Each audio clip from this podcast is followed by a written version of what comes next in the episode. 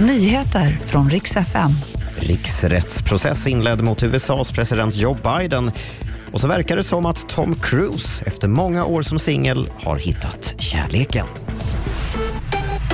Morgon. Vi ska börja i Uppsala där en explosion inträffade vid porten till ett lägenhetshus i natt. Boende i huset vittnar om hur hela huset skakade i smällen. Polisen spärrade av platsen under natten och nu utreder man bland annat om sprängningen är kopplad till den organiserade brottsligheten. Ingen person ska ha kommit till fysisk skada.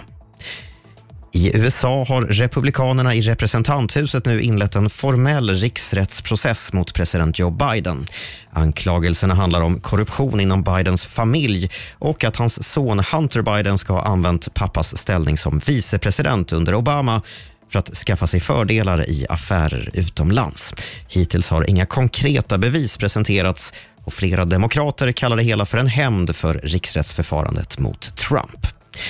Sist ska det handla om Hollywoodstjärnan Tom Cruise och hans kärleksliv som äntligen verkar ha tagit fart igen.